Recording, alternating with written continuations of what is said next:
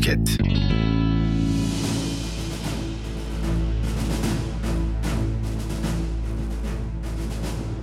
Adalet, gücü bağımsız olmayan bir milletin devlet halinde varlığı kabul olunmaz. Kanunlar örümcek ağları gibidir.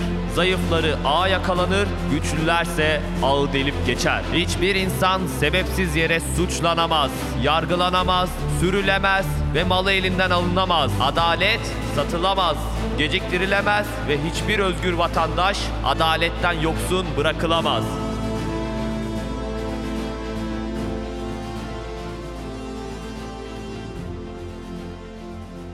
Merhabalar, ben avukat Sedat Ekmen. Bugün ve bundan sonra sizlerle hayatınızda karşılaştığınız ya da karşılaşabileceğiniz hukuki konular üzerine sohbet havasında programlar yapacağız.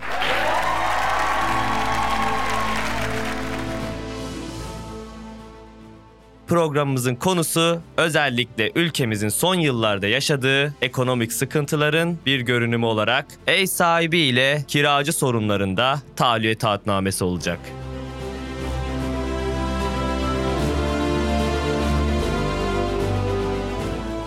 Tahliye taahhütnamesi nedir? Borçlar Kanunumuzun 352. maddesinde düzenlenmiş olan tahliye taahhütnamesi kiracıların ev sahiplerine ben oturduğum bu taşınmazı hangi tarihte boşaltacağımı yazılı olarak verdiğiniz bir belgedir. Siz burada bu taşınmazı örnek veriyorum 15.07.2023 tarihinde boşaltacağım. Böyle bir taahhütname verdiyseniz ev sahibinize sizi bu tarihte çıkarma hakkını ve hiçbir gerekçe, hiçbir sebep sunmaksızın çıkarma hakkını vermiş oldunuz.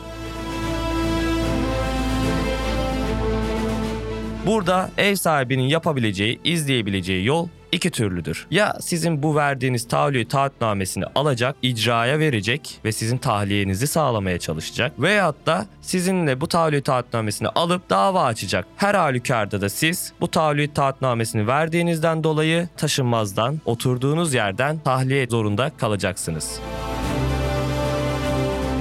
Peki kanunumuz bu tahliye taahhütnamesinin hukuka uygun olup olmadığını neye göre kabul ediyor? Yine Borçlar Kanunu'nun 352. maddesine göre bu taahhütnamenin kabul olabilmesi için taşınmazın size teslim edildiğinden sonra yapılmış olmasını arıyor. İkincisi bunun bizzat sizin tarafınızdan yani kiracı olarak sizlerin imzasının olmasını arıyor. Üçüncüsü bu tahliyeyi ne zaman gerçekleştireceğinizin tarihini arıyor ve bunun dördüncüsü mutlak suretle yazılı bir belge ile istiyor sizlerden. Peki uygulamada yani sizin gerçek hayatınızda durum böyle mi gerçekleşiyor? Kesinlikle hayır. Ev sahipleri sizleri öncelikle o taşınmazı vermek için bunu sizlere dayatıyor. Neden? Çünkü ev sahibinin sizlere karşı ileride taşınmazı tahliye ettirebilmek veyahut da kira bedellerini arttırabilmek için bu tahliyeyi yapmasının çok zor olduğunu biliyor. O yüzden de yapacağı ilk şey sizlerden yazılı tahliye taahhütnamesi almak olacaktır.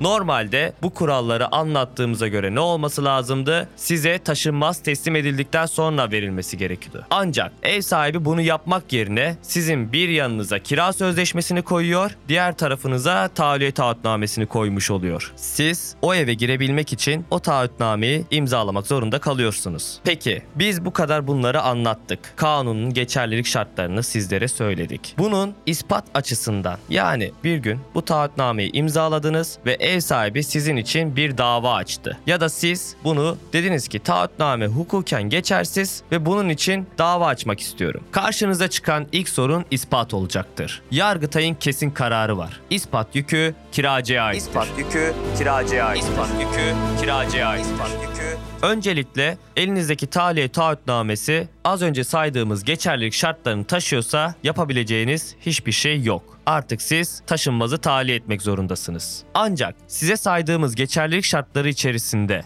bir tanesi dahi eksikse bunu ispatlamak size kalmış durumda. Örneğin ev sahibi kira sözleşmesiyle beraber tahliye taahhütnamesini size imzalattırdı. Bunun ispatı sizlerde. Ya da siz bu tahliye taahhütnamesini imzalarken tahliye tarihini boş bıraktınız ve imzaladıktan sonra bunu ev sahibi doldurdu. Bunun da ispatı sizlerde. Ve son olarak bunu da bir dipnot olarak geçelim. Siz dediniz ki manevi baskı altında ben bu taahhütnameyi imzaladım. Burada benim iradem sakatlandı dediniz. Bunun da ispatı sizlerde. Ve burada unutulmaması gereken iradeniz sakata uğratıldığı için açacağınız bu dava bir yıllık hak düşürücü süreye tabi. Yani siz tahliye taahhütnamesini ne zaman manevi baskı altında imzaladıysanız bir yıl içerisinde bu davayı açmak zorundasınız. Son olarak şunu söylemek istiyorum. Ev sahibiniz tahliye hakkını tahliye tarihi geldikten sonra bir ay içerisinde kullanmazsa artık tahliye taahhütnamesi hükmen geçersizdir.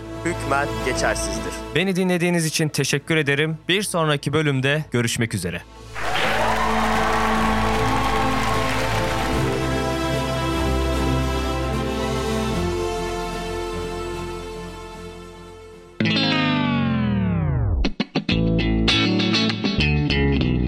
Podcast.